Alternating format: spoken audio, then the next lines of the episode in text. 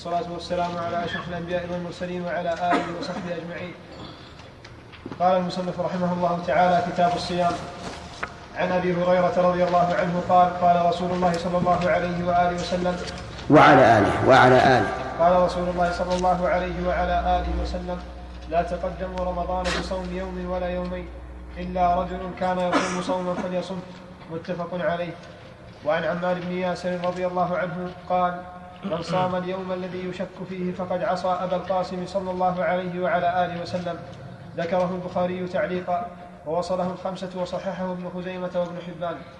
وعن ابن عمر رضي الله عنهما قال سمعت رسول الله صلى الله عليه وعلى آله وسلم يقول إذا رأيتموه فصوموا وإذا رأيتموه, وإذا رأيتموه فأفطروا فإن غم عليكم فاقدروا له. متفق عليه. ولمسلم فإن أغمي عليكم فاقدروا له ثلاثين. وللبخاري فأكملوا العدة ثلاثين. وله في حديث أبي هريرة فأكملوا عدة شعبان ثلاثين. بسم الله الرحمن الرحيم. قال المؤلف ابن حجر رحمه الله في كتابه بلوغ المرام كتاب الصيام. العلماء رحمهم الله في تصنيفه. تارة يقولون كتاب وتارة يقولون باب وتارة يقولون فصل. فالكتاب للجنس والباب للنوع والفصل للمسألة المسائل. مثلا الطهارة كتاب الطهارة هذا للجنس. باب الوضوء للنوع. فصل في شروط الوضوء للمسائل. هكذا الغالب. وقد يخرجون عن هذا لكن الغالب هو هذا أن الكتاب للجنس والباب للنوع والفصل للمسائل. الصيام مصدر صام يصوم وهو في اللغة الإمساك.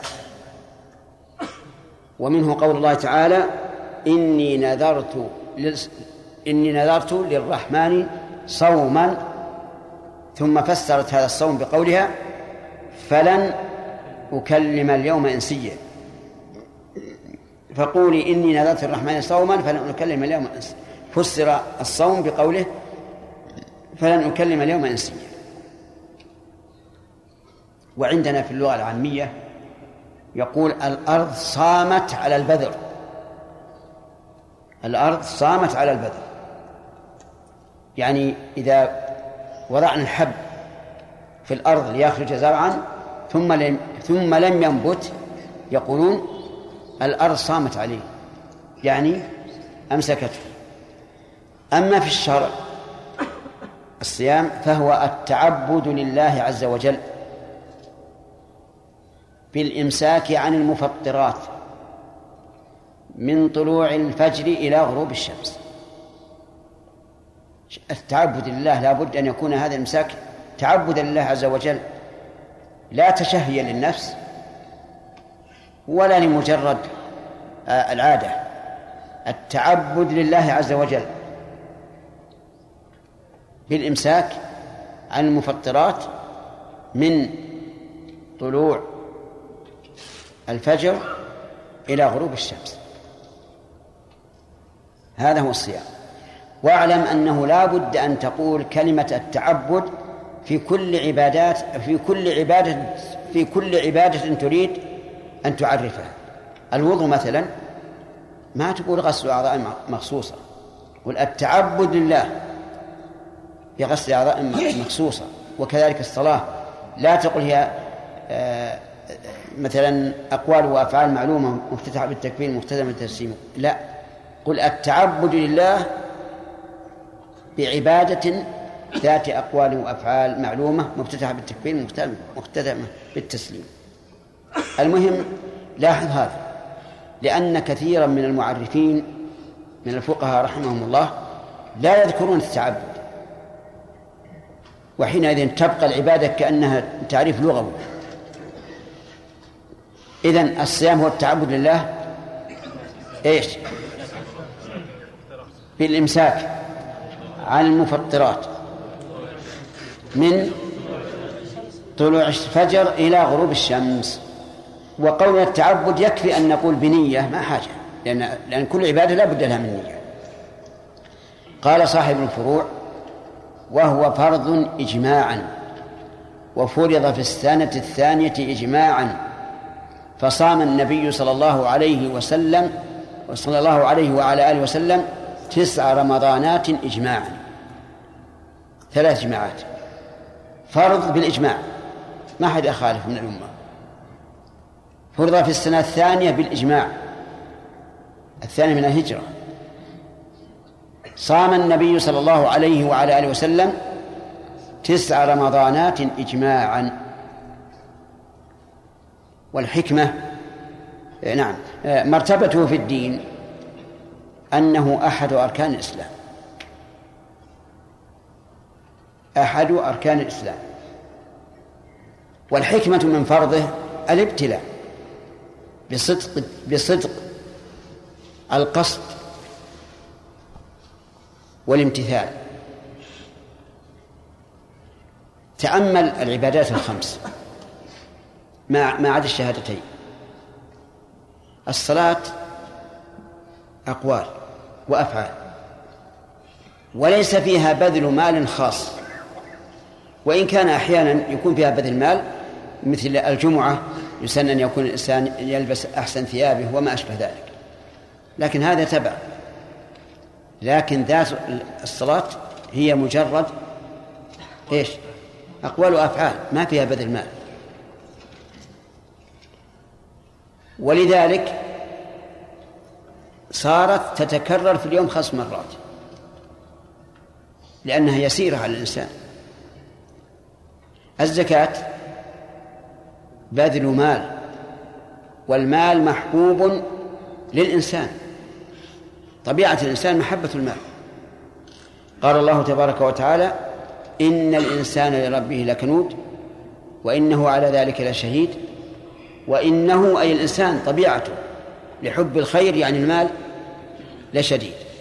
وقال عز وجل وتحبون المال حبا جما أي كثيرا بذل المحبوب لا يكون إلا بصدق نية وإيمان بأن هذا المبذول وهو المحبوب لا يبذل إلا لما هو أحب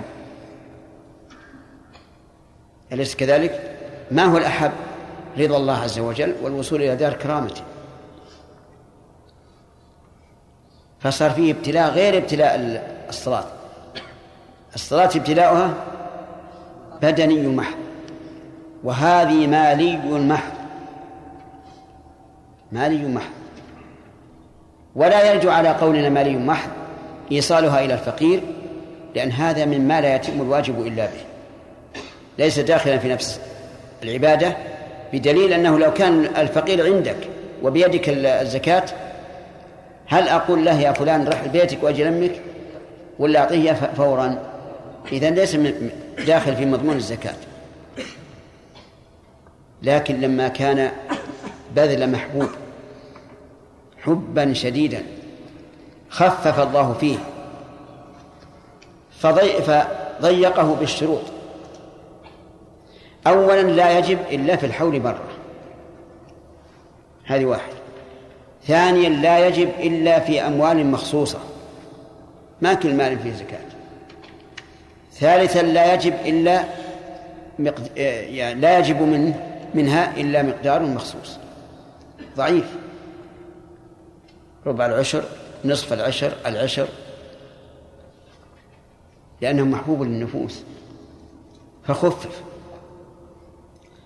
نأتي للصيام. الصيام فيه ابتلاء. وهو الإمساك عن محبوب. وما أشد الإمساك عن المحبوب. يمسك الإنسان عن الشهوات الثلاثة اللي هي أعظم شيء شهوة الأكل وشهوة الشرب وشهوة النكاح. يمسك من طلوع الفجر إلى غروب الشمس. في الأيام التي هي أيام عمل يعني ما جعل في الليل الليل سكن وينام الإنسان من صلاة العشاء إلى الفجر. جعل في النهار. الذي يحتاج الإنسان فيه إلى العمل. ومع العمل يحتاج إلى إيش؟ إلى أكل وشرب. فصار الابتلاء في هذا الزمن. لأنه لأن الامتثال فيه أصدق. فيدع الإنسان شهوته وطعامه وشرابه من أجل الله عز وجل. حتى لو ضرب الإنسان على أن يأكل تمرة أو يشرب جرعة من ماء في أيام الصيام يفعل؟ لا يفعل. حتى لو خلا بنفسه لا يطلع عليه أحد. إن الله لا يمكن أن يقدم على هذا. ولهذا قال العلماء الصوم سر بين العبد وبين ربه. فاختص الله به من بين سائر الأعمال. قال الصوم لي وأنا أجزي به كل الأعمال للإنسان إلا الصوم فهو لله. وفسره العلماء بأن الأعمال الصالحة غير الصوم يقتص منها للمظلوم إذا كان العابد قد ظلم غيره إلا الصوم فلا يقتص منه. لأن الله قال هو لي وأنا أجزي به. أما الحج وهو العبادة الرابعة من بعد الشهادتين فهو جامع بين إيش؟ أو بدني. بدني معه وما ينفقه الإنسان للوصول إلى مكة فهو من باب ما لا يتم الواجب إلا به. وإلا فهو بدني محض لو أن الإنسان مشى على رجليه من بلده إلى مكة ما قلنا هات فلوس. ولو خرج من مكة إلى إلى المشاعر ما قلنا هات فلوس. فهو بدني محض ولقد كان الناس يأتون من الهند وباكستان وآسيا الشرقية البعيدة أدركناهم. يأتون على أرجلهم إلى مكة. خمسة أشهر أو أربعة أو ستة حتى يصلوا إلى مكة ومثلها حتى يرجعوا إلى بلادهم. ما يحتاجون إلى مال إلا ما يحتاجه الإنسان الباقي في البلد من أكل وشرب ولباس. فهي عبادة إيش هي؟ بدنية لكنها لما كانت يؤتى إليها من بعيد صار لا بد أن يكون هناك مال يوصله إليها. وهذا هو الحكمة من أن الله خصها بقوله من استطاع إليه سبيلا وإلا فكل العبادات يشترط فيها الاستطاعة. نعود إلى الصيام. الصيام فرض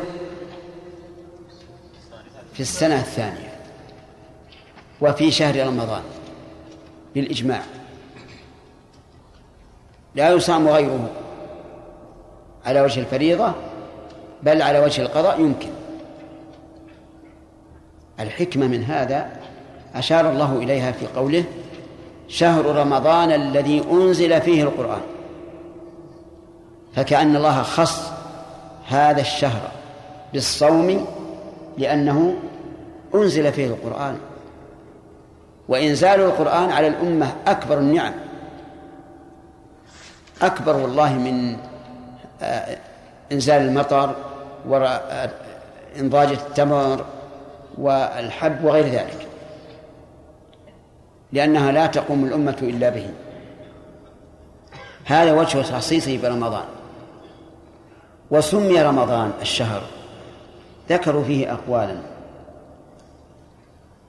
منها أنه أول ما عينت العرب الشهور صادف أن رمضان في وقت الحر والرمضة فسمي رمضان. وهذا أحسن ما قيل. وقيل لأنه يرمض المعدة بالعطش وقيل إنه يرمض يرمض الذنوب يحرقها. لكن كل هذه فيها نظر. أحسن شيء أن يقال إن المسألة توقيتية. أنه سمي رمضان لأنه عند تسمية الشهور صادف أن أنه في رم... في وقت الحر الذي تشتد فيه الرمضاء وقال بعضهم إنه لا يعلل بل هو اسم صادف مثل شعبان. صادف أن سمي رمضان. ولكن الأول أنه ناسب ناسبت تسميته أن وقعت في شدة الحر. قال المؤلف رحمه الله كاتبا حديثا عن أبي هريرة رضي الله عنه قال قال رسول الله صلى الله عليه وعلى آله وسلم لا تقدموا رمضان بصوم يوم ولا يومين إلا رجل كان يصوم صوما فليصوم. لا ناهية. والخطاب للأمة جميعا. وقوله رمضان يعني به الشهر. وقوله إلا رجل بالرفع على الأفصح. لأن ما قبله تام منفي. تام منفي. وإذا كان تاما منفيا كان الأفصح فيما بعد إلا أن يكون تابعا للمستثنى منه. والمستثنى منه قوله الواو في قوله لا تصوموا رمضان. إلا رجل كان يصوم صوما فليصوم يعني أنه صادف ما قبل رمضان بيوم أو يومين يوم صوما كان يصومه فلا حرج. والرجل هنا ليس مخرجا للمرأة لكنه لما كان الرجال أشرف من النساء صارت خطابات الشرع دائما معلقة برجولية. قوله صلى الله عليه وسلم لا تصوموا رمضان. يستفاد منه. النهي عن تقدم رمضان بصوم يوم أو يومين. وهل هو للتحريم أو للكراهة؟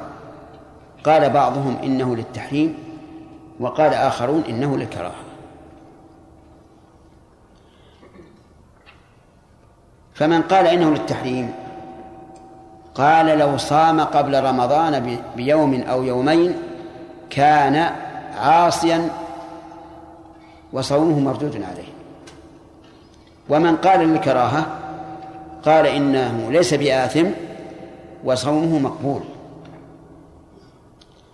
ولكن في القلب شيء من قولنا إنه مقبول ولو كان النهي للكراهة. لأنه إذا كان للكراهة لم لم لم يعد طاعة.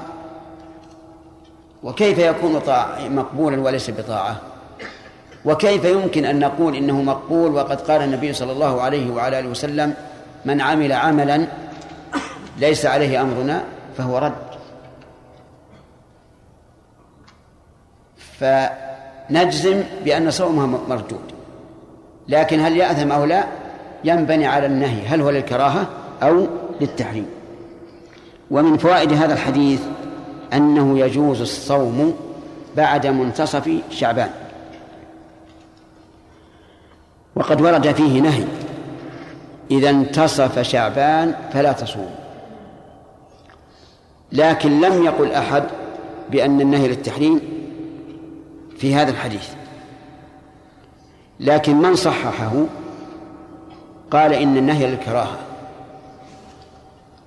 ومن لم يصححه لم يعتبره شيئا. هذا إذا لم يكن يصوم شعبان كله. فإن كان يصوم شعبان كله فلا بأس ولو بعد نصف الشهر. ومن فوائد هذا الحديث حماية الحدود حدود الشريعة. لأن النهي عن الصوم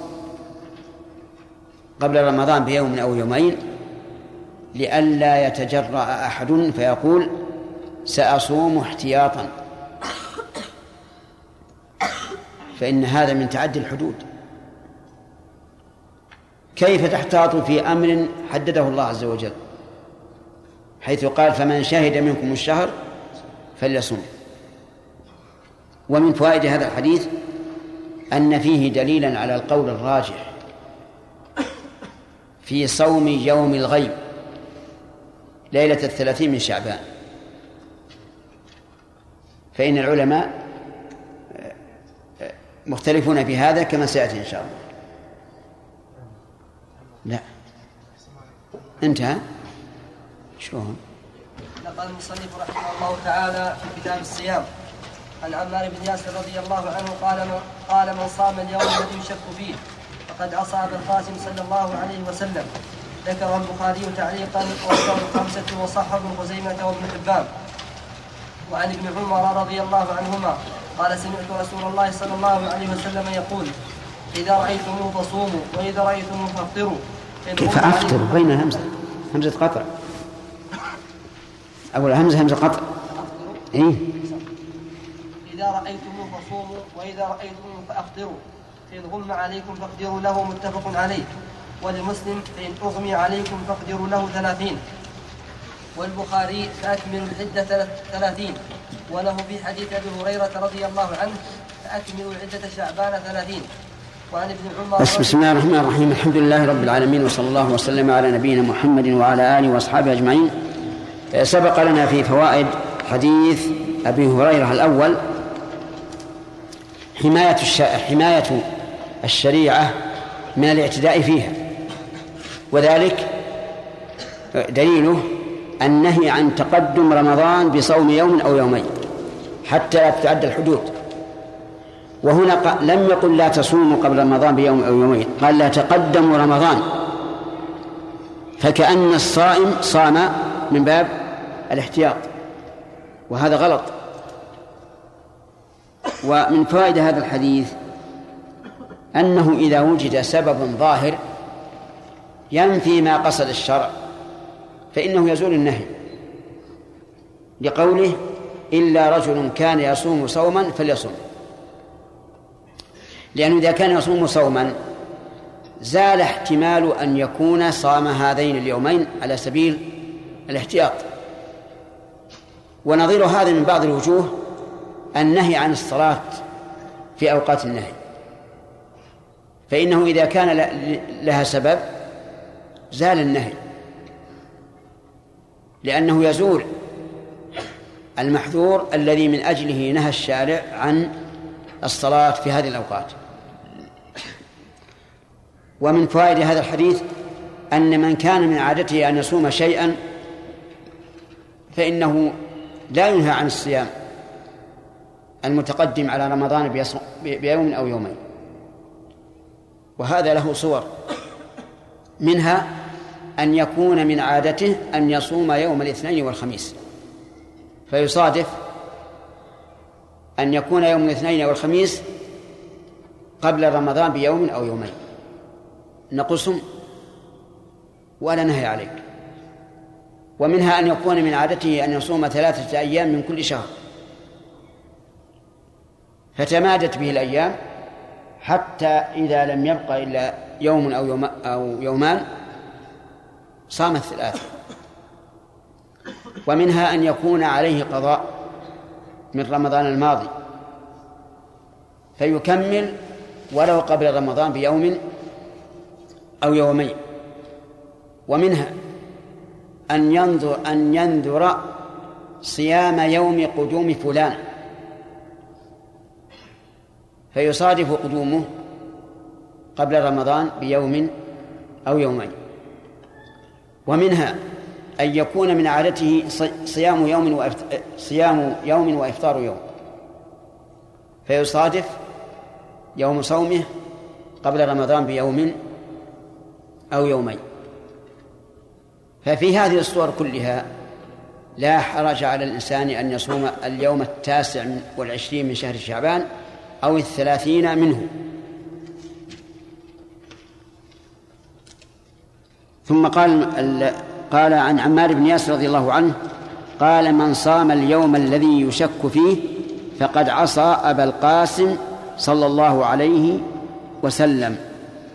ذكره البخاري تعليقا ووصله الخمسة وصححه ابن خزيمة وابن حبان.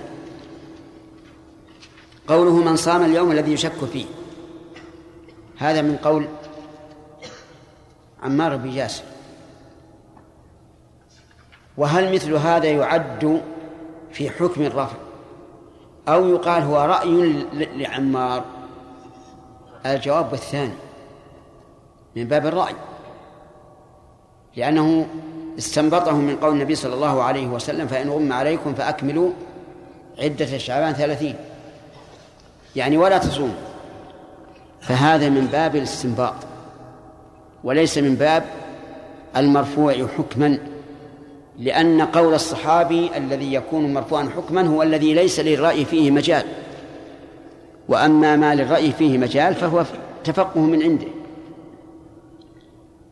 و وقوله الذي يشك فيه أي يشك هل هو من رمضان أو غيره. وذلك للحيلولة بين رؤية نعم للحيلولة بين القمر والبصر إما بسحاب وإما بقتر وإما بدخان كثيف أو بغير ذلك. المهم أننا نقع في شك وفي أي ليلة يكون؟ نعم. يوم الثلاثين؟ يعني ليلة واحد وثلاثين. ليلة الثلاثين. نعم ليلة الثلاثين. طيب.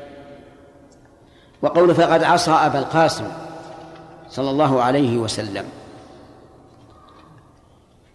وهذه الكنية كنية للرسول صلى الله عليه وسلم يعرف بها. قد ذكره البخاري تعليقا.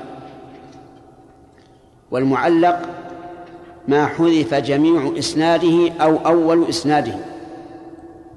يعني آه، الحفاظ رحمهم الله يعلقون الحديث. فيذكرونه يذكرونه مرويا عن آخر واحد. يسمى هذا تعليقا. بحذف السند كله.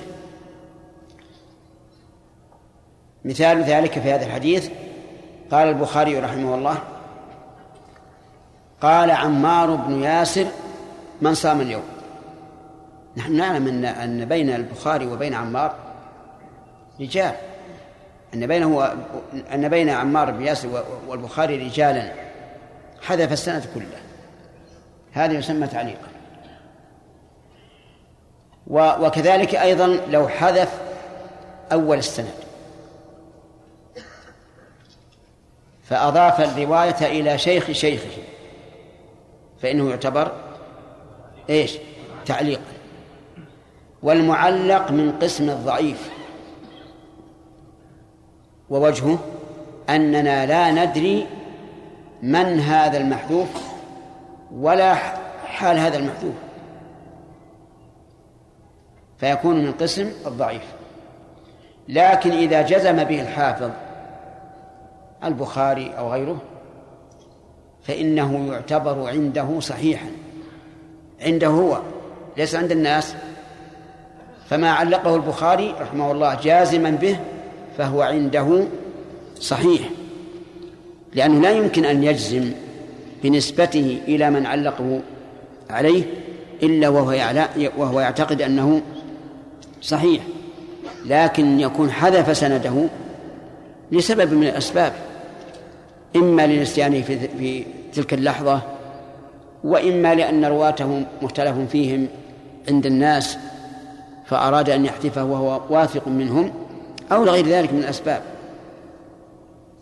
يقول ووصله ووصله الخمسة وهم أبو داود والترمذي والنسائي وابن ابن ماجه وأحمد. خمسة. وصلوه إلى من؟ إلى عمار بن ياسر رضي الله عنه. وصححه ابن خزيمة وابن حبان. في هذا في هذا الحديث نعم. نظير هذا الحديث قول أبي هريرة رضي الله عنه للذي خرج بعد الأذان أما هذا فقد عصى أبا القاسم صلى الله عليه وسلم. هل قاله تفقها؟ أو قاله آه، في أو له حكم الرفع نعم. الأول. وجه ذلك أن النبي صلى الله عليه وعلى آله وسلم فرض صلاة الجماعة.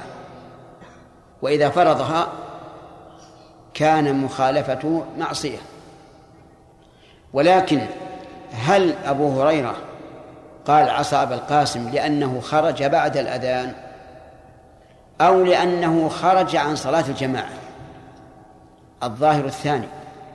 ولهذا نقول لو خرج ليصلي في مسجد آخر فإنه لم يعصي أبا القاسم صلى الله عليه وعلى آله وسلم. بعض العلماء يقول إن هذا له حكم الرفض ولكن في هذا نظرا. ما دام المسألة من باب الفقه الذي يدخل الاجتهاد فإنه يكون اجتهادا من عند الصحابي. في هذا الحديث فوائد. منها أن صيام اليوم الذي يشك فيه من معصية النبي صلى الله عليه وعلى آله وسلم. وهل نقول والذي لا يشك فيه صيامه طاعة؟ الجواب لا. الذي لا يشك فيه يدخل في الحديث الأول حديث أبي هريرة. لا تقدموا رمضان بصوم يوم ولا يومين. ومنها جواز الإخبار عن النبي صلى الله عليه وسلم بأبي القاسم. فقد عصى أبا القاسم. صلى الله عليه وسلم. ولماذا عبر بأبي القاسم دون أن يقول قد عصى النبي صلى الله عليه وسلم؟ يقال إن هذا جرت عادة العرب بأن الكناية تعتبر من التعظيم.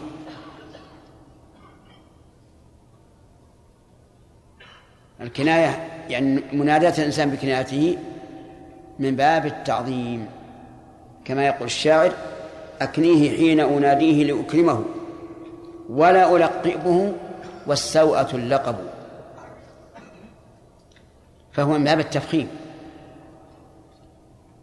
فإن قال قائل إذا قال أبا القاسم اشتبه بغيره فالجواب لا يشتبه بغيره لأن هذه الكنية في عهد الصحابة لا يكنى بها إلا النبي صلى الله عليه وسلم. ولهذا نهى النبي صلى الله عليه وسلم أن يكنى أحد بكنيته لئلا يلتبس الأمر ولئلا ينادى المكنى بأبي القاسم والنبي صلى الله عليه وعلى آله وسلم يسمع فيظنه يعنيه.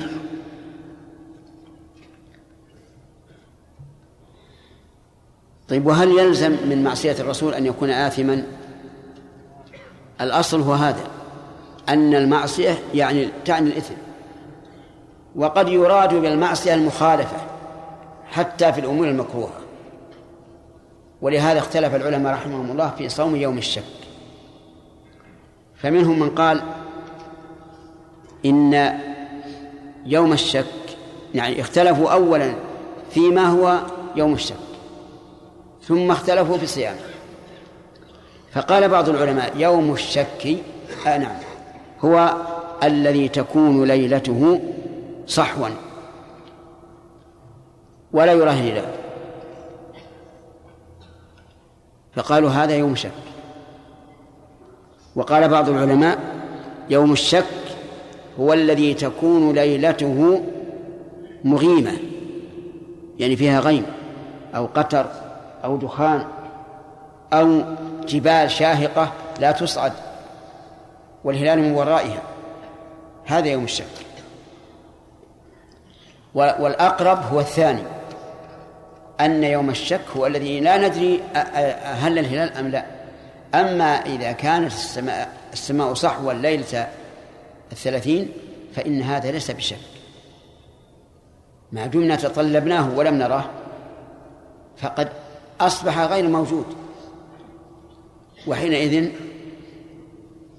أجيب لا شك حينئذ لا شك.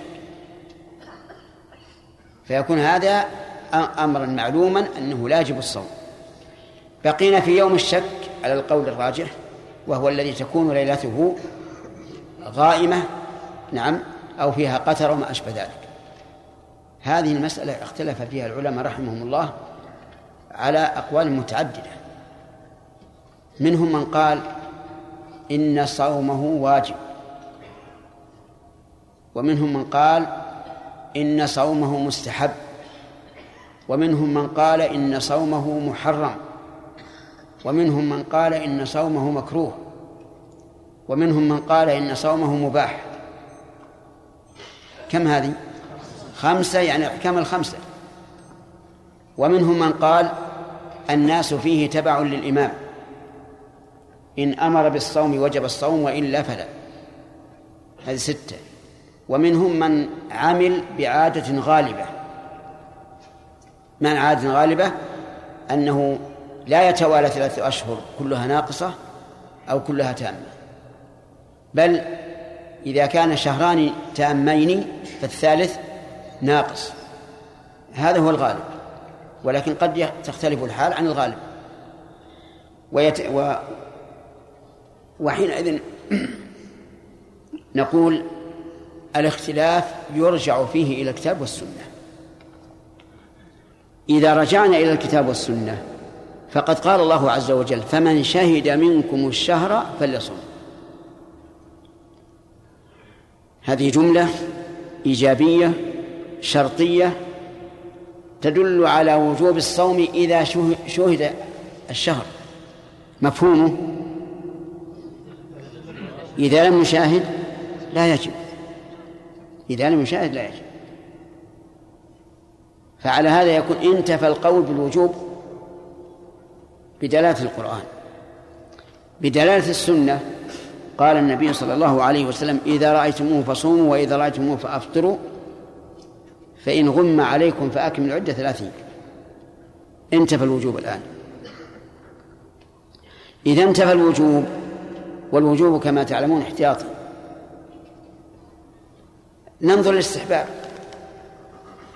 الاستحباب يحتاج, يحتاج إلى دليل.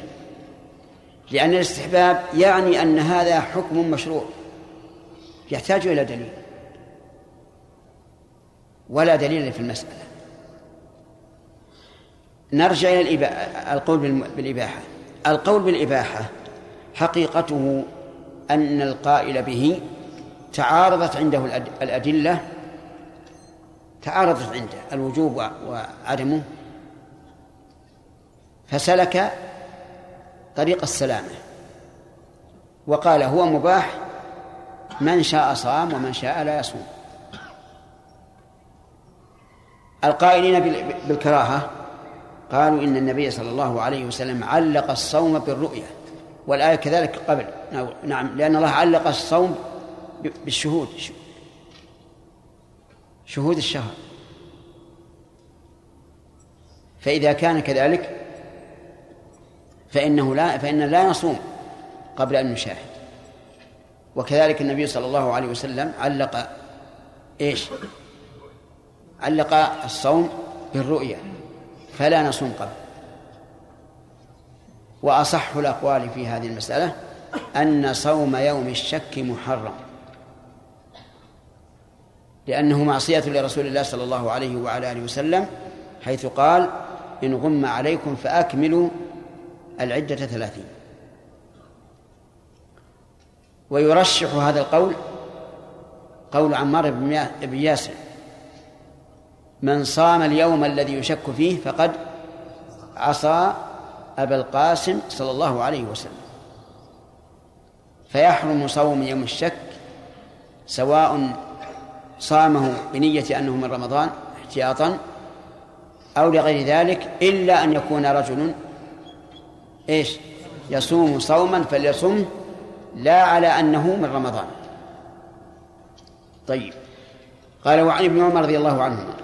قال سمعت رسول الله صلى الله عليه وسلم يقول إذا رأيتموه فصوموا الضمير في في رأيتموه ليس له مرجع سابق. ليس له مرجع سابق. فإلى أي شيء يعود؟ يبينه ما بعده وهو قوله فصوموا فيكون الضمير ضمير المفعول به. في رأيتموه يعود على الهلال. نعم. فصوموا. وإذا رأيتموه أي الهلال فأفطروا. الأول هلال رمضان والثاني هلال شوال. فأفطروا. وجوبا. نعم سيأتي إن شاء الله الكلام عليه. فإن غم عليكم وفي لفظ إن غبي عليكم غبي كقولنا تغبى أي اختفى. وغم عليكم أي ستر عليكم. بأي شيء؟ بأي شيء؟ سواء. سواء بسحاب أو قتر أو جبال شاهقة أو غبار. المهم بأي شيء. إن غم أي إيش؟ ستر. فلم تروه فاقدروا له. اقدروا له. اقدروا له. اختلف الناس في معناه. فقيل معنى القدر. التقدير. أي إذا غم عليكم فارجعوا إلى الحساب. وإلى هذا ذهب كثير من المتأخرين المعاصرين والذين قد ماتوا. قالوا إن اقدروا مأخوذ من التقدير.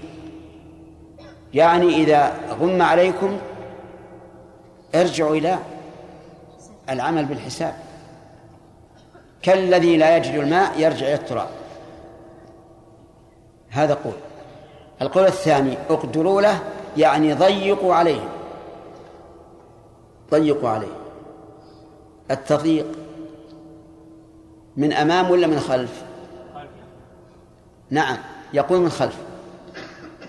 ضيق عليه من خلف كم تجعل؟ ها؟ تجعل رمضان تسعة وعشرين.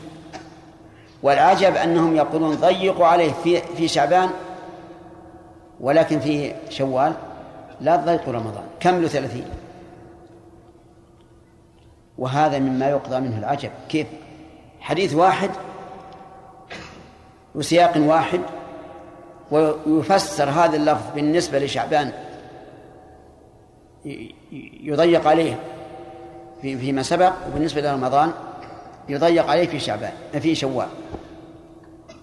يعني كمل رمضان عشان يضيق العدد عن عن شوال. ما, ما يستقيم هذا. حديث واحد والمتكلم به واحد.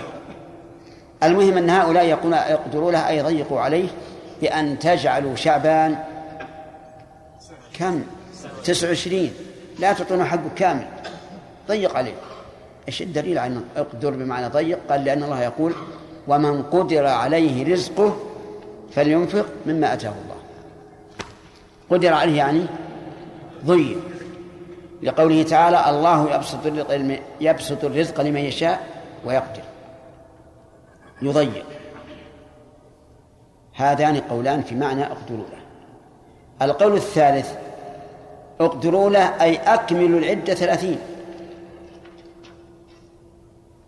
وهذا القول أصح الأقوال. لأن كلام النبي صلى الله عليه وعلى آله وسلم لا يفسره أحد أعلم ممن تكلم به. من هو المتكلم به؟ الرسول صلى الله عليه وسلم. وقد قال الرسول صلى الله عليه وعلى آله وسلم نفسه أكملوا عدة ثلاثين. وحينئذ لا نرجع لأحد. لا نرجع لأحد. ما دام النبي صلى الله عليه وسلم هو الذي فسره بنفسه فالواجب الرجوع إلى تفسيره طيب قال والمسلم فإن أغب فإن أغمي عليكم فاقدروا له ثلاثين. يعني اجعلوه آه نعم أكملوا عدة ثلاثين كما يفسر اللفظ الثاني. وللبخاري فأكملوا العدة ثلاثين. وله في حديث أبي هريرة أي للبخاري في حديث أبي هريرة فأكملوا عدة شعبان ثلاثين. لكن لفظ البخاري أعم. يعني أكملوا عدة ثلاثين يشمل هلال الصوم وهلال الفطر. فيكون أكملوا عدة ثلاثين في شعبان وفي رمضان.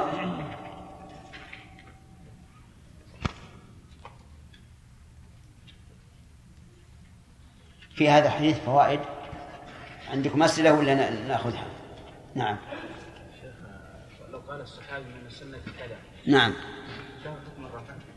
لا هذا كما ذكرت إذا كان تفقها بحيث يوجد دليل يدل على أن استنبطه منه فليس له حكم الرفع لكن يكون الحديث الذي استنبطه هو المرفوع كيف نعلم هذا؟ نعم. كيف يعلم هذا؟ يعلم بالأحاديث الواردة السنة بين أيدينا. السنة بين أيدينا لو قدرنا أني ما عرف فله حكم الرفع نعم. وحديث عمار لا عندنا حديث ابن عمر. أكمل العدة ثلاثين فإذا صمنا ما أصير نعم. إيش؟ أن الحج عباده مدنيه نعم. نعم. اشكل عليه سوق الهدي. نعم. في بعض انواع الحج ما هذا ليس من الحج. هذا مستقل. ولهذا يجوز أن أن أن تسوق اله- الهدي وأنت في بلدك. كما فعل النبي صلى الله عليه وسلم. نعم. لكن المثال الصحيح الجهاد. الجهاد عبادة بدنية ومالية. جاهدوا بأموالكم وأنفسكم. نعم. قولنا في حديث عمار إنه ليس له حكم الرفع. نعم. هذا بقطع النظر عن الأحاديث الأخرى أم إنه معها لا لا لأن عندنا أحاديث أخرى استنبطها منك لكن لو فرضنا أنه ما ما في أحاديث إلا هذا القول إلا هذا القول قول الصحابي. فهذا المشهور عند علماء الحديث أنه له حكم الرفض كقوله أمرنا أو نهينا أو ما أشبه ذلك. وبعض العلماء لا ما هو أصل. وبعض بعض العلماء يقول حتى هذا لأن الصحابي قد يفهم الأمر على أنه أمر مثلا أو النهي على أنه نهي, نهي تحريم وليس كذلك. والله الأصل أن الصحابي إذا قال عصى ونحن لا نعلم دليلا واضحا أن نحمله على أنه مرفوع فإن لم نفعل فهنا شيء آخر أصل آخر. وهو أن قول الصحابي حجة. نعم يا سليم. نعم. جاء دليل من القران والسنة يا شيخ نعم. على على مساله بينه مثل مثل رؤيه الشهر نعم. نعم. كيف الناس لهم مدخل يدخلون يا سليم. ترى هذه جزاك الله خير. تسأل عنها في العقيدة وتسأل عنها في- في الفقه. لا تقول شيء. أي ابن آدم بشر. قد يفهم النصوص على خلاف ما أولي بها. وقد تغيب عنه النصوص. وقد تبلغه على وجه لا يطمئن إلى صحتها. فهمت؟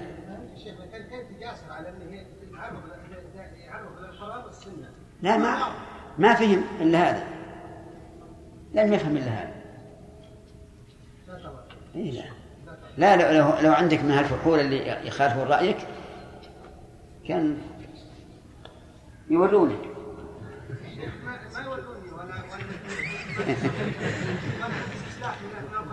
جزاك الله تمام.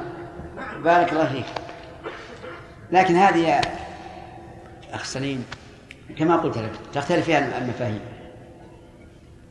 جزاك الله خير. نعم قوله إذا رأيتموه صوم ألا يلزم أن يكون شخص شراء؟ نعم ما ما ما, ما أخذ الأحكام. الأحكام ما أخذناها نعم. من أخر صوم ثلاثة أيام من الشهر من؟ من أخر صوم ثلاثة أيام من الشهر إلى نعم. آخره. ها؟ إلى آخره. نعم. ثم حصل له عذر فهل له أن يقضيها؟ ثم؟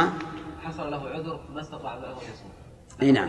أنا اتردد أتردد في هذا. والله عندي فيها تردد. يعني لو أن إنسان أخر صيام أيام البيض مثلا أو حتى طلع الشهر إن كان لعذر فنرجو أن يكون أن أن يقضيها. أما لغير عذر لا. فورا أو له أن لا الفور أفضل. شيخ أحسن الله إليك. إذا بقي له بعض الأيام من الحج لم يصم هل له؟ إذا بقي أيام من الحج أيام من الحج؟ أيام من الحج. سبعه الأيام اذا رجع آه يعني آه فاقد الهدي المتمتع الذي ليس عنده هدي لا يجد هدي. ها. إذا؟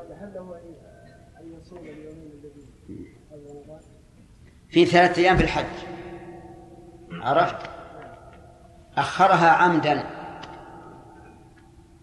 فهنا لا لو قضى لو قضاها لا تنفعه لأن القاعدة الشرعية كل عبادة مؤقتة بوقت إذا تعمد الإنسان تركها حتى خرج وقتها لم تقبل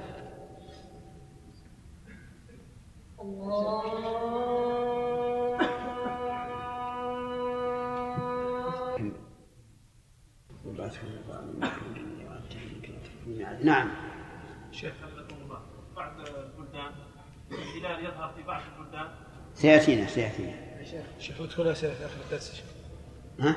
تكون اسئله في آخر الدرس التي بعد الأذان لا لا أص- الليلة ألفية أمس اتفقنا على أنها بلوغ.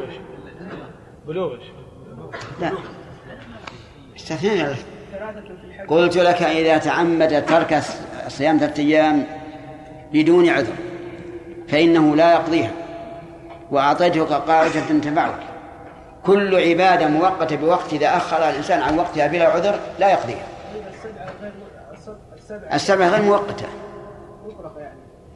يصومها. يصومها يعني إذا بقي مثلا يومين إلى الحج القادم. لا إلى أن يموت. وإن مات فما من مات على الصيام صام عنه وليه. يعني السؤال هل يصوم إلى في اليومين إذا تقدم برمضان كيف؟ اليومين. أي نعم نعم. هل له؟ أي له ذلك يجيب الكتاب يا شيخ. نعم. كتاب كيف؟ سآتي بالكتاب نعم.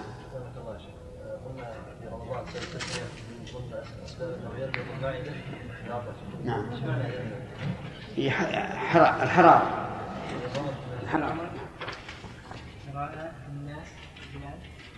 لا قبله.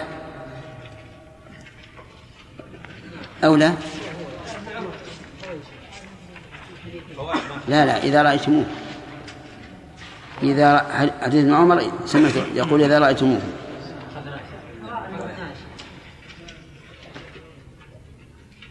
أقرأ إلى لفظ البخاري ولا نعم. نقل المصنف رحمه الله تعالى وعن ابن عمر رضي الله عنهما قال راى الناس الهلال.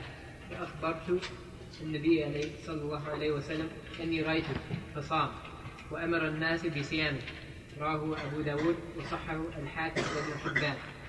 بس كفاية. آه، الأول ما كلم ما تكلمنا عليه. أي. قال رحمه الله تعالى فيما نقله عن ابن عمر سمعت رسول الله صلى الله عليه وعلى آله وسلم يقول إذا رأيتموه. الضمير يعود على إيش؟ جلال. يعود الضمير الأول على آه، هلال رمضان. الدليل؟ لأنه قال فصوم والثاني؟ على شعبان. على شعبان. على شوال. على شوال. الدليل؟ فأفطروا. فأفطروا. بارك الله فيك.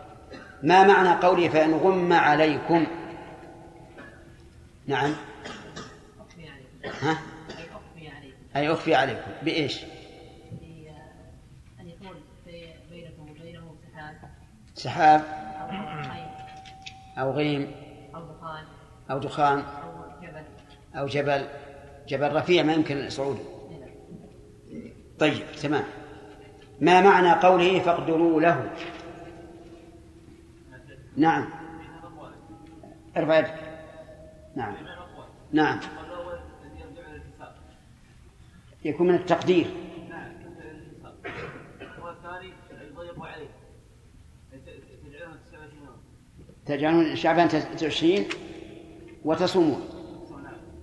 والثالث تجعلهم 30 يوم وهو الرابع إيش؟ يوما نعم. 30 يوم وهو الرابع ما الذي رجحه عندك؟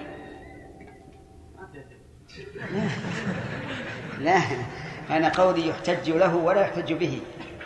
الذي بعده الذي بعده. يكون شعبان 30 يوم نعم. بارك الله فيك. طيب. نعم. قوله إن أغمي عليكم فاقدروا له ثلاثين وللبخاري فأكملوا العدة ثلاثين. وفي رواية فأكملوا عدة شعبان ثلاثين. أيهما أولى؟ آه آه إيش؟ لأنها عام. تشمل هلال رمضان وهلال هلال شوال. وهلال شوال. شعبان ما ما له دخل. طيب نعود إلى الفوائد. أولا في قوله صلى الله عليه وعلى آله وسلم إذا رأيتموه فصوموا. نعم. من فائدتها أنه لا يجب الصوم مع الشك. لقوله إذا رأيتموه. وهل المراد أن يراه جميع الناس أو أن يراه من يثبت به دخول الشهر؟ الثاني. أما الأول فلا قائل به. الأول لا قائل به. من فوائد هذا الحديث أن أنه إذا لم يرى فلا صيام. منطوق أو مفهوم مفهوم.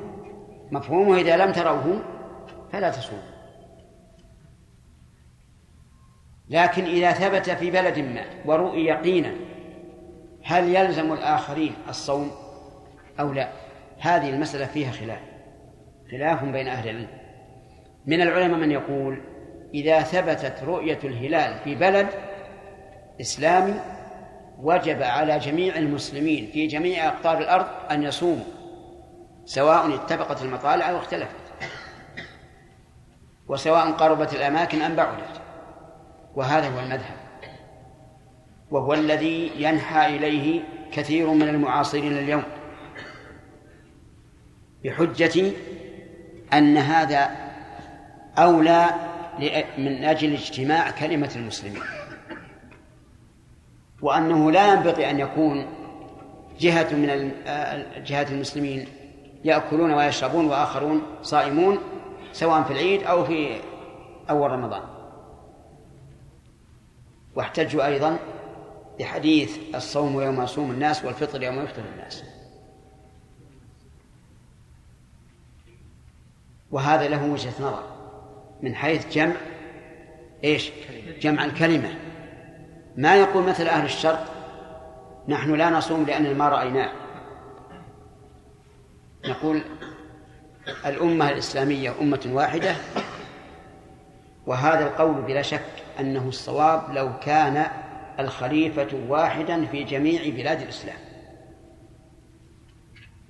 ولكن الآن الكلمة متفرق والسلطان متفرق. كما هو معروف للجميع. وإذا اختلفت أمة يرأسها أمير أو سلطان لا تعبث لا تعبث فيها تشغلنا آه، فهذه نعم. يجب أن يكون آه، أن تكون جميع الولاية التي تحته يصومون سواء اختلفت المطالع أو لا. أما مع اختلاف المطالع واختلاف الأمم والسلطة فالإنسان يتوقف. وإذا قلنا بمراعاة اجتماع الأمة الإسلامية فبأي بلد نعتبر؟ المذهب يقول أي بلد سواء كان أقصى الغرب أو أقصى الشرق أو الوسط. وذهب بعض المعاصرين إلى أن المعتبر مكة مكة المكرمة. وعللوا ذلك بأن جميع المسلمين يؤمونها في صلاتهم وبأن الله تعالى سماها أم القرى والأم المرجع فيكون معتبر رؤيتها المكة. متى ثبت؟ يجب على جميع المسلمين أن يصوموا. هذا قول. القول الثاني يقول إن النبي يقول إنه إن اتفقت المطالع أي مطالع القمر وجب الصوم. على كل قوم اتفقت مطالعهم سواء كانت الولاية واحدة أو ليست بواحدة. حجة هؤلاء أن أن الله أن الرسول قال أولا أن الله قال فمن شهد منكم الشهر فليصم من شهد فليصم هذا المنطوق والمفهوم. من لم يشهد فلا صيام عليه.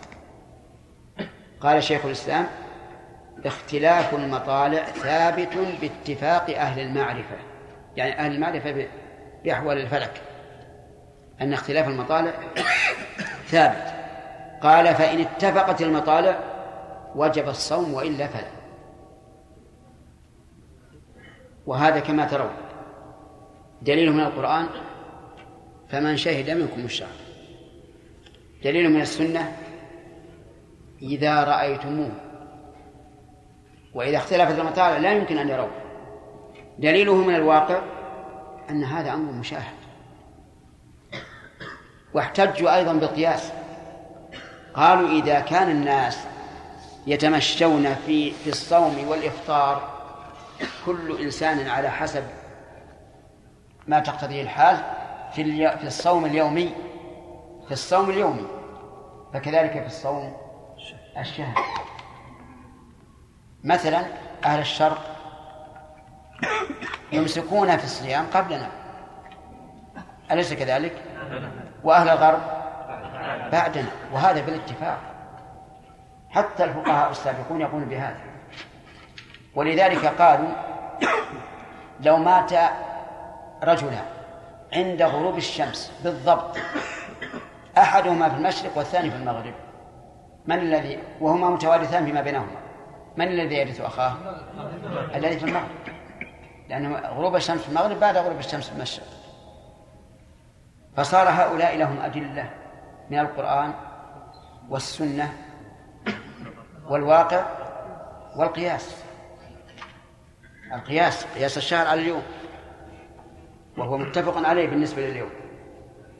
قال وكيف نلزم قوما لم يشاهدوا الهلال؟ أو شاهدوا الهلال غاب قبل الشمس كيف نلزمهم بالصيام؟ وهذا القول كما ترى قوي جدا جدا. وهو الذي تطمئن إليه النفس وهو اختيار شيخ الإسلام رحمه الله ابن تيمية. ولكن هناك قول ثالث أن الناس تبع للإمام. وأن الصوم يوم يصوم الناس والفطر يوم يفطر الناس. نعم. وعلى هذا نقول كل من له ولاية على أرض فإنه يجب على كل من تحت ولايته أن يكون صومهم. تبعا أن يكون صومهم واحدا وفطرهم واحدا لئلا تتفرق. الأمة هذا هو الذي عليه العمل اليوم. ولهذا مع الأسف الشديد أقوله أنا بأسف. إذا زانت العلاقة بيننا وبين جيراننا. نعم. اتفقت المطالب. وإن ساءت اختلفت المطالب. إن كان علاقة زينة فإذا ثبت في السعودية يثبت عندنا. صوموا. وإن كان العلاقات ما هي طيبة والله ذولا ناس لهم مطالعهم وإحنا لنا مطالعهم. نعم. هذا واقع يعني نحن أدركناه. لكن على كل حال أقرب الأقوال هو هذا. بالنسبة عمليا أما أقربها نظريا فلا شك أن قول شيخ الإسلام هو الصواب. لكن عمليا هو هذا. ليس من المعقول أننا تحت يعني سلطة واحدة بعضنا صائم وبعضنا مفطر. هذا يخل بالنظام بالأمن قصد يخل بالأمن. ويوجب التشتت والتفرق. طيب ومن فوائد هذا الحديث أنه لا يجوز الفطر مع الشك في رؤية الهلال. لقوله إذا رأيتموه فأفطروا فمفهومه إذا لم تروا لم تروه فلا فطر. ومن فوائد هذا الحديث أن هذا الدين يسر في العمليات وفي الإحساسات وفي كل شيء. وذلك فيما لقوله فإن غم عليكم فاقدروا له. وجه ذلك أنه مع الشك سوف يكون الإنسان قلقا. سوف يكون قلقا. أصوم أو ما أصوم أفطر أو ما أفطر. وهذا لا شك أنه يؤثر على على البدن صحيا ونفسيا. الشرع قطع باب القلق بأنه إذا خفي فإيش أكمل عدة ثلاثين حتى لو فرض أنه في الواقع قد هل الهلال فلا يهمك أكمل العدة ثلاثين. واضح يا جماعة؟ طيب.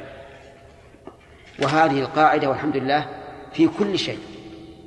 حتى فيما إذا أحس الإنسان يعني أشكل الإنسان هل أحدث أو لا نقول يا أخي دع, دع القلق. لا تقل وش وش نعمل؟ يبني على اليقين. نقول أنت الآن على طهارة وصل ما شئت ودع القلق. في كتاب وأنا في الطلب صغير ألفه أظن رجل من الغربيين. أظن. يقول دع القلق وابدأ الحياة. نعم. شيخنا عبد الرحمن رحمه الله أخذ الكتيب وقرأه. وصنف الوسائل المفيدة للحياة السعيدة وهو مبني على أدلة من القرآن والسنة. فالمهم أن الدين الإسلامي لا يريد من من من أهله أن يبقوا في قلق أبدا. ودليل وهذه مسألة من من من المسائل. إن غم عليكم فأكملوا العدة فاقتلوا له أي أكملوا العدة ثلاثين. من فوائد هذا الحديث أنه إذا أشكل علينا نرجع إلى الحساب على رأي من يرى أن معناه أن معناه إيش؟ من التقدير. لكن هذا الحديث لا يدل عليه يقينا والمعروف أن النص إذا لم يدل على الشيء دلالة لا تحتمل فإنه لا يؤخذ به. ومن ضوابطهم إذا وقع الاحتمال بطل الاستدلال. ثم نقول أيضا ردا على هذا القول إن النبي صلى الله عليه وعلى آله وسلم بين معنى قروله الأخ. قل أرفع يدك. لأني وراء. نعم أرفع يدك. طيب. ماذا قال في القرولة لا ماذا قال الرسول؟ أكمل العدة ثلاثين. تمام.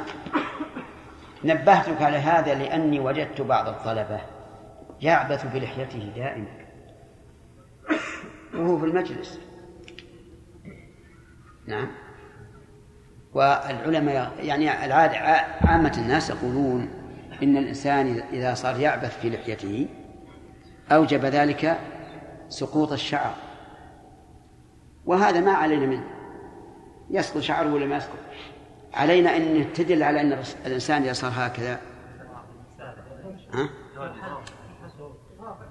غافل ولا ولا حاضر؟ غافل أفهمت يا أخي؟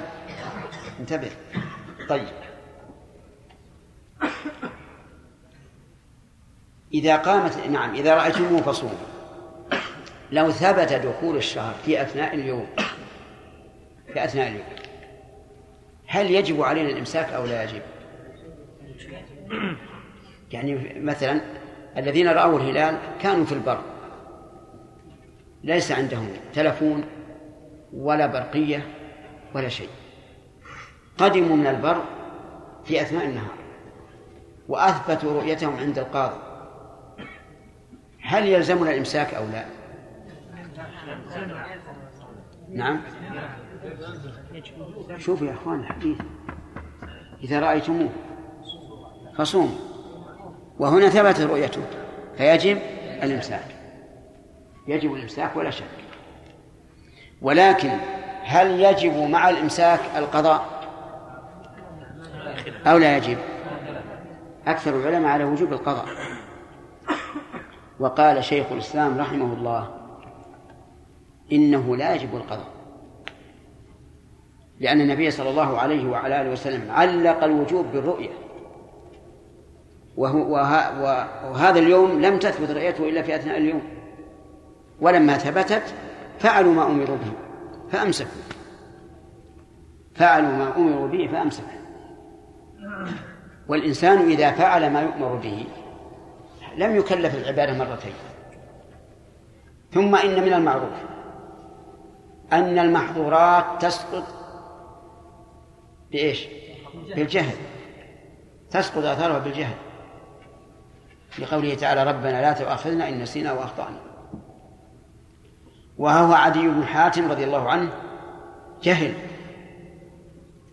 هو يريد أن يصوم. وهو يتلو الآية حتى يتبين لكم الخيط الأبيض من الخيط الأسود من الفجر. وجعل تحت وسادته عقالين حبلين أحدهما أسود والثاني أبيض. وجعل رضي الله عنه يأكل حتى تبين الخيط الأبيض من الخيط الأسود. فأمسك. فجاء إلى النبي صلى الله عليه وعلى آله وسلم وأخبره فقال إن وسادك لعريض أن وسع الخيط الأبيض والأسود. الخيط الأبيض هو النهار والأسود الليل. إذا كان هذا تحت الوسادة تكون الوسادة عريضة. لا شك. أهل البلاغة سبحان الله أخذوا من هذا أن طول الرقبة يدل على بلادة الإنسان. إذا كان إنسان طويل الرقبة فهو بليد قالوا لتباعد ما بين القلب والدماغ. نعم. فصاروا إذا أرادوا يصفون شخصا بالعداوة بالغباوة يقولون إنه طويل الرقبة وهذه مشكلة. ولكني أشهد أن الرسول ما قصد هذا عليه الصلاة والسلام. إنما قصد المداعبة. وهو أن هذه الوسادة وسعت الليل والنهار. ولكن الشاهد من هذا أن الرسول لم يأمره بالقضاء لأنه جاهل. والصحابة أفطروا في يوم غيم على عهد النبي صلى الله عليه وعلى آله وسلم ثم طلعت الشمس ولا قال اقضوا لأنهم جاهلون المهم هذه المسألة التي نحن فيها. شيخ الإسلام يقول رحمه الله إنه إذا قامت البينة في أثناء النهار وجب الإمساك. والمذهب كذلك يجب الإمساك. والدليل واضح. ما هو؟ إذا رأيتموه فصوموا. ولكن هل يجب القضاء؟ هذا محل إشكال. شيخ الإسلام يقول لا يجب القضاء والمذهب يجب القضاء وشيخ الإسلام له مستندان.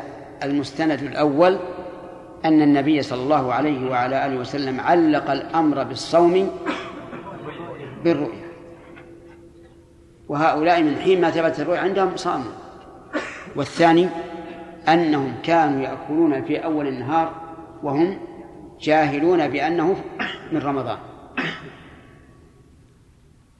تمام؟ طيب. لو قال قائل ألستم تقولون لو أن المرأة الحائض طهرت في أثناء النهار لزمها الإمساك والقضاء؟ فالجواب في هذا في هذا خلاف والصحيح أنه لازمها الإمساك. القول الراجح أنه لازمها الإمساك. لأن هذه المرأة قد أبيح لها الأكل في هذا النهار. فالنهار في حقها ليس له حرمة. وقد روي عن عبد الله بن مسعود أن من أكل أول النهار فليأكل آخره. يعني من جاز له أكل في أول النهار فليجوز له الأكل في آخره. وهذه امرأة يجوز لها أكل في أول النهار. فلا يلزمها الإمساك. طيب لو أن المسافر قدم مفطرا وصل بلده في أثناء النهار يلزمه الإمساك؟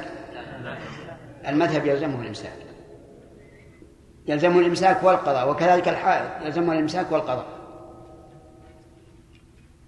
والقول الراجح أنه لا يلزمه لا يلزمه الإمساك. قال بعض الفقهاء فيعايا بها لو قدم المسافر مفطرا وامرأته طهرت من الحيض في أثناء النهار يعايى بها. وش يقال يعني يلغز بها. وش يقال رجل بالغ عاقل مكلف جامع زوجته في نهار رمضان في وسط بلده. من بي من بيجيب على هذا السؤال؟ نعم. صعب. ولهذا محل لغز. ها؟ لا متعمد. متعمد. اي جاي من سفر وهو مفطر بالسفر اي نعم. نعم وهو مشتاق لأهله. وجد الزوجة قد طهرت من الحيض. نعم. هل يجوز أن يجامعها؟ على القول الراجح يجوز. لأنه هو لا يلزمه الإمساك وهي لا يلزمه الإمساك. فكلاهما يجوز له الفطر. فيجامعها ويقال في اللغز رجل بالغ عاقل مقيم. جاز أن يطأ زوجته عمدا في نهار رمضان.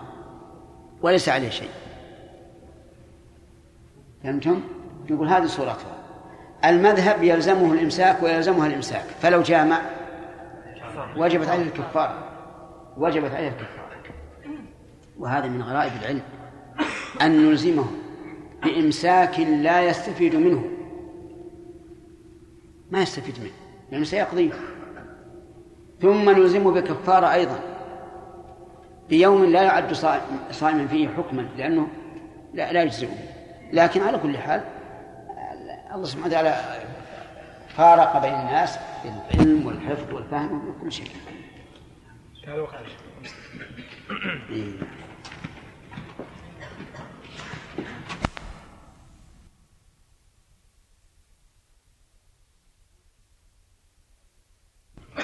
ما هو تسمية؟ قراءة درس؟ نعم. كيف؟ الله تعالى في كتاب الصيام. عن ابن عمر رضي الله عنهما قال ترى الناس الهلال فأخبرت النبي صلى الله عليه وعلى آله وسلم اني أني رأيته. رواه ابو داود وصح الحاكم وابن حبان. وعن ابن عباس رضي الله عنهما أن اعرابيا جاء إلى النبي صلى الله عليه وعلى آله وسلم فقال إني رأيت الهلال فقال تشهد أن لا إله إلا الله قال نعم. قال تشهد أن محمدا رسول الله قال نعم. قال فأذن في الناس يا بلال أن يقوموا غدا. رواه الخمسة والصح وابن خزيمة وابن حبان. ورجح النسائي في رسالة نعم بس. طيب هذا يقترح تخفيف البرود نعلم على نبينا محمد وعلى آله وأصحابه ومن تبعهم بإحسان إلى يوم الدين. أما بعد فقد سبق الكلام في بيان ما يجب به الصوم وأنه أحد أمرين إما رؤية الهلال وإما إكمال شعبان ثلاثين يوما. وبناء على هذا ينبغي أن يتراءى الناس أو أن يحتاط الناس بالنسبة لشعبان في رؤية الهلال حتى يتحقق إكمال إكمال شعبان ثلاثين يوما. وهذا الذي قررناه وذكرناه هو للعلم. أما من ناحية العمل فإننا تبع لإمامنا. متى أمر بالصوم سمنا ومتى لم يأمر لم نصم. لئلا يختلف الناس وتكون كل بلد لها رؤيتها الخاصة. قال وعن ابن عمر رضي الله عنه قال تراءى الناس الهلال تراءوا أي طلبوا رؤيته أو صار كل واحد منهم يعني لها معنيين. أو صار كل واحد منهم يري الآخر الهلال. فيقول ره ره يعني انظر إليه. أو تراءوه أي طلبوا رؤيته والهلال يعني هلال رمضان. فأخبرت النبي صلى الله عليه وعلى آله وسلم أني رأيته. رؤية بصرية ولا علمية؟ بصرية فصام وأمر الناس بصيامه. رواه أبو داود وصححه الحاكم. آه، معنى معنى الحديث ظاهر. لكن فوائده أولا مشروعية تراء الهلال ليلة الثلاثين من شعبان. كذا؟ ولا ليلة واحد وثلاثين؟ ليلة الثلاثين. لأن ليلة واحد وثلاثين لا حاجة لترائيه إذ قد كمل شعبان لكن ليلة الثلاثين ينبغي للناس أن يتراءوا الهلال. وهذا وهذه المشروعية أخذناها من إقرار النبي صلى الله عليه وعلى آله وسلم الصحابة على ذلك. ومن فوائدها من فوائد نعم ومن فوائد الحديث أن أن من رآه فليخبر من له الأمر. وهل هذا على سبيل الوجوب أو سبيل الاستحباب أو سبيل الإباحة؟ إن شاء أخبر وإن شاء لم يخبر. نقول هو على سبيل الوجوب. لأ- لأن رمضان أو لأن صيام رمضان وقته مضيق. وقد ذكر أهل العلم رحمهم الله أنه يجب إعلام الإنسان بدخول الوقت إذا كان نائما وخيف فوت الوقت. ورمضان ضيق يعني من العبادات المضيقة التي فرضها بقدر زمنها. فيجب الإعلام. فإذا قال الرائي أخشى إذا ذهبت أخبر. يبحثون عني ما تقولان في فلان؟ هل هو عدل أو غير عدل هل بصره قوي أو غير قوي؟ وأنا من الملزوم فالجواب أن هذا من وساوس الشيطان. والواجب أن الإنسان إذا رأى الهلال أن يخبر به من يتولى أمر الناس. ومن فوائد هذا الحديث وجوب الصوم برؤية الواحد. لأن النبي صلى الله عليه وعلى آله وسلم صام وأمر الناس بالصيام. برؤية الواحد. يجب الصوم برؤية الواحد. لكن يشترط أن يكون الواحد موثوقا بخبره.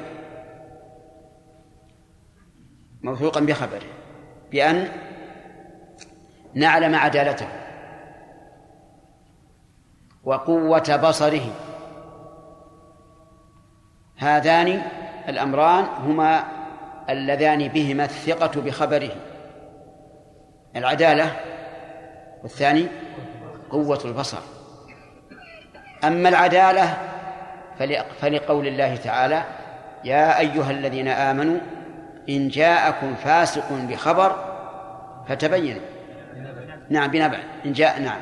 يا أيها الذين آمنوا إن جاءكم فاسق بنبأ فتبينوا. وأما كونه قوي البصر فلأن ضعيف البصر لا يوثق بخبره.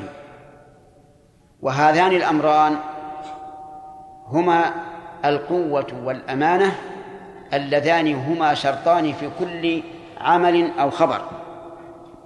قال الله تعالى إن خير من استأجرت القوي الأمين. وقال عفريت من الجن أنا آتيك به قبل أن تقوم من مقامك وإني عليه إيش؟ لقوي أمين. فما هي القوة في مسألتنا؟ البصر. والأمانة؟ العدالة.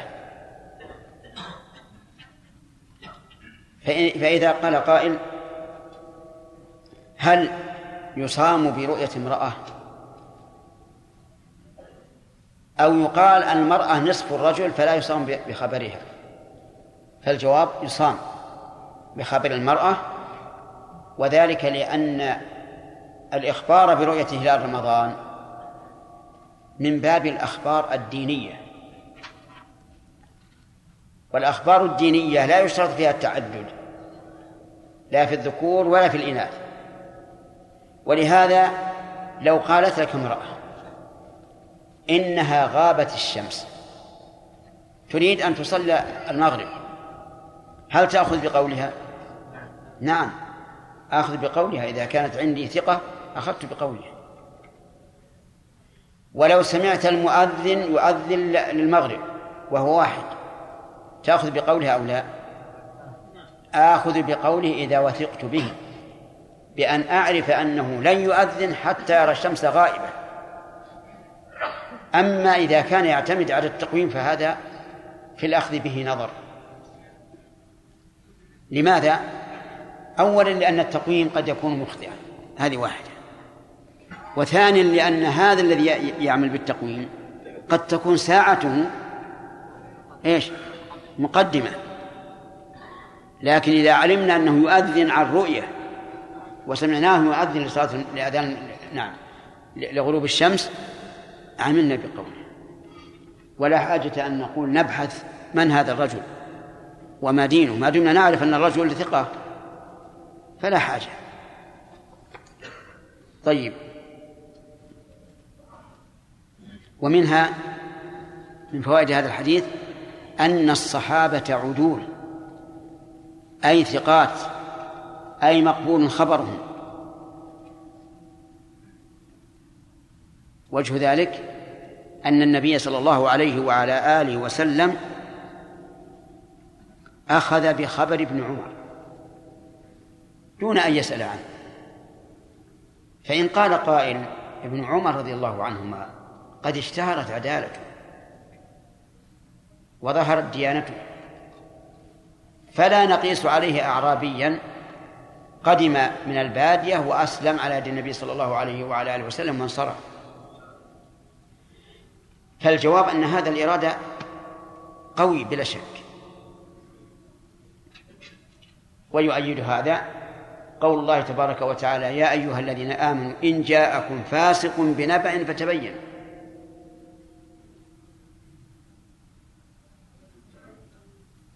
ولكن دفع هذا الإرادة أن نقول إن الله سبحانه وتعالى قال إن جاءكم فاسق أي معلوم الفسق. فتبين. وهذا يعني أن المجهول من الصحابة إيش هو؟ عدل مقبول الخبر. وهذا الذي عليه أهل العلم. أن جهالة الصحابي لا تضر لأن الأصل فيهم العدالة. وقد ثبت عن النبي صلى الله عليه وعلى آله وسلم أنه قال خير الناس قرني. والأصل العموم. حتى يقوم دليل على خروج فرد من أفراد العموم.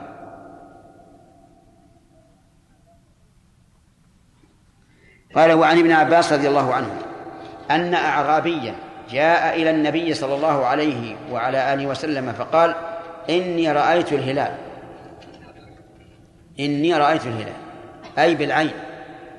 لأن لأن إدراك الهلال بالبصر. فقال أتشهد أن لا إله إلا الله؟ قال نعم. قال أتشهد أني أن محمد رسول الله؟ قال نعم. وبذلك يكون مسلما. وبذلك يثبت كونه صحابيا. لأنه اجتمع بالنبي صلى الله عليه وعلى آله وسلم وهو يشهد أن لا إله إلا الله وأن محمد رسول الله. قال فأذن في الناس يا بلال أن يصوموا غدا. رواه الخمسة وصححه ابن خزيمة وابن حبان ورجح النسائي إرساله. قوله أن أعرابيا. الأعرابي ساكن البادية وجمعه أعراب. قال الله تعالى قالت الأعراب آمنا قل لم تؤمنوا ولكن قولوا أسلمنا. وقوله آه إني رأيت الهلال هذا خبر. خبر. وقول أتشهد أي أتقر باللسان. معترفا بذلك في قلبك أن لا إله إلا الله ومعنى لا إله إلا الله أي لا معبود حق إلا الله عز وجل. لقوله تعالى ذلك بأن الله هو الحق وأن ما يدعون من دونه هو الباطل. وهنا لا الإعراب